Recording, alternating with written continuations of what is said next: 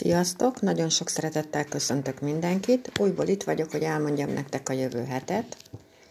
A jövő hetünk az úgy fog indulni, hogy egy young víz majomnappal indul. Na most a young víz az az óceán. És az óceán az ugye tele van, mivel vízelem, tele van érzelemmel.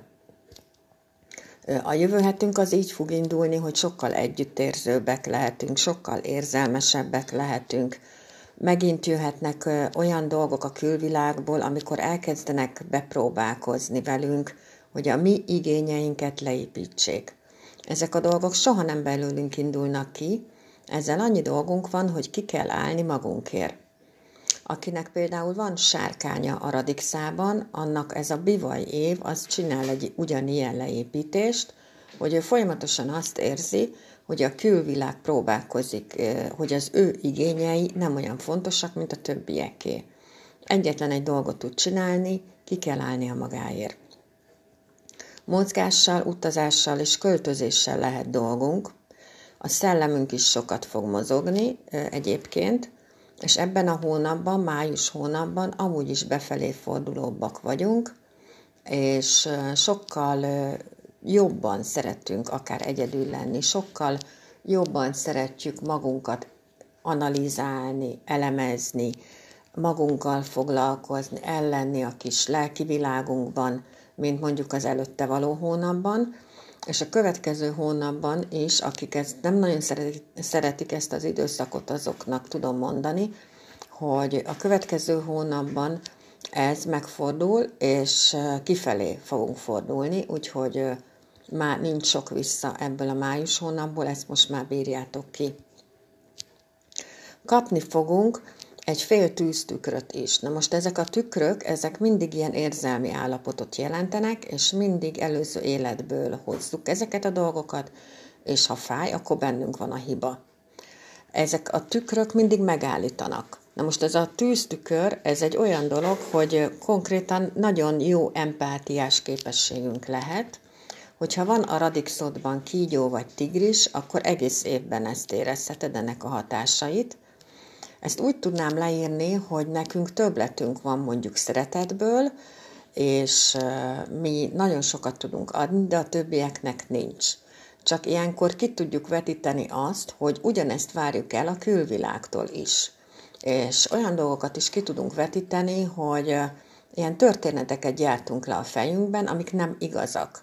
Szóval például átmegyünk a szomszédba elkérni a létrát, de közben lefuttatjuk a fejünkben, hogy a Béla bácsi egyébként minket utál, és mire kinyitja az ajtót, mi elküldjük őt valahova, pedig ő még meg se szólalt.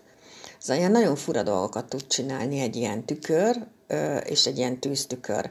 Ezzel mindig az a dolgunk, hogy ha fáj, bennünk van a hiba, ahogy mondtam, és meg kell egyszerűen lépni, mag- meg kell haladni magunkat és meg kell lépni ezeket a karmikus dolgainkat.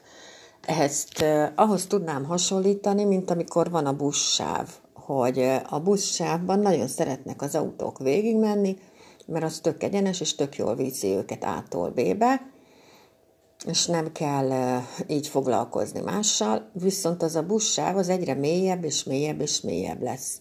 Na most ugyanígy vagyunk mi is a szamszkáráinkkal, a régi beépült viselkedés mintáinkkal, amit mondjuk a nagymamánk mondott ezer évvel ezelőtt, és mi még mai napig valóságnak éljük meg, pedig az a nagymama véleménye volt, nem a miénk. Úgyhogy ilyen dolgokat tud okozni.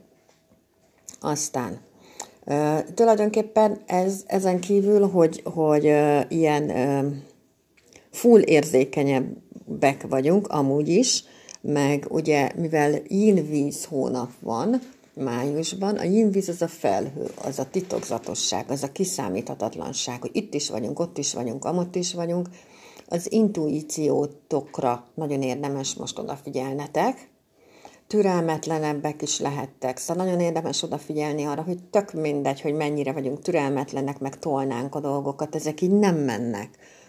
Hogy a kígyó és a kígyó hónapban most, és a kígyó az időnek a ö, misztikus ura tulajdonképpen, és ö, ő egy ilyen újító, ő egy ö, olyan olyan állatszimbólum, ami az újjászületésért felel, például ravasz is nagyon, Egyébként nagyon értelmes állat, most ebben a hónapban nagyon érzékeny is ez az állat, és képes megmozgatni ez a kígyó most a föld alól dolgokat, és így felhozni a felszére.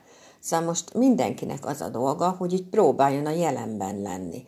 És nem úgy, mint a kígyó, hogy a jövőben van, hanem, a, hanem vissza kell jönni a jelenbe, és itt kell foglalkozni, mit tudom én, a családoddal, a munkáddal, a pénzügyeiddel például, ez most nagyon fontos, ezekkel a dolgokkal mind érdemes foglalkozni most ebben a hónapban, mert ez a hónap erről szól. Ugye a kígyó is levedli a bőrét, úgyhogy konkrétan tényleg az újjászületésért felel a kígyó. Ez a hónap nagyon sok mindent tud hozni, hogyha így ö, ö, tudatosabbak vagyunk és odafigyelünk ezekre a dolgokra. Na, úgyhogy mindenkinek csodás napot kívánok mára, mindenkinek csodás hetet kívánok, mindegyik ötök vigyázzon magára. Köszönöm szépen, hogy meghallgattatok, és hogy itt voltatok, és jövő héten előbb fogom föltenni a, az előrejelzést, majd úgyis meg fogjátok tudni, hogy mikor. Egy kicsit ez jövő, de ez csak a jövő hétre vonatkozik, kicsit a jövő hét az így át fog alakulni. Úgyhogy köszönöm, hogy itt voltatok, és meghallgattatok, és figyeltek rám, és mindenki vigyázzon magára, mindenkinek csodás hetet kívánok, és akkor jövő héten újból találkozunk. Sziasztok!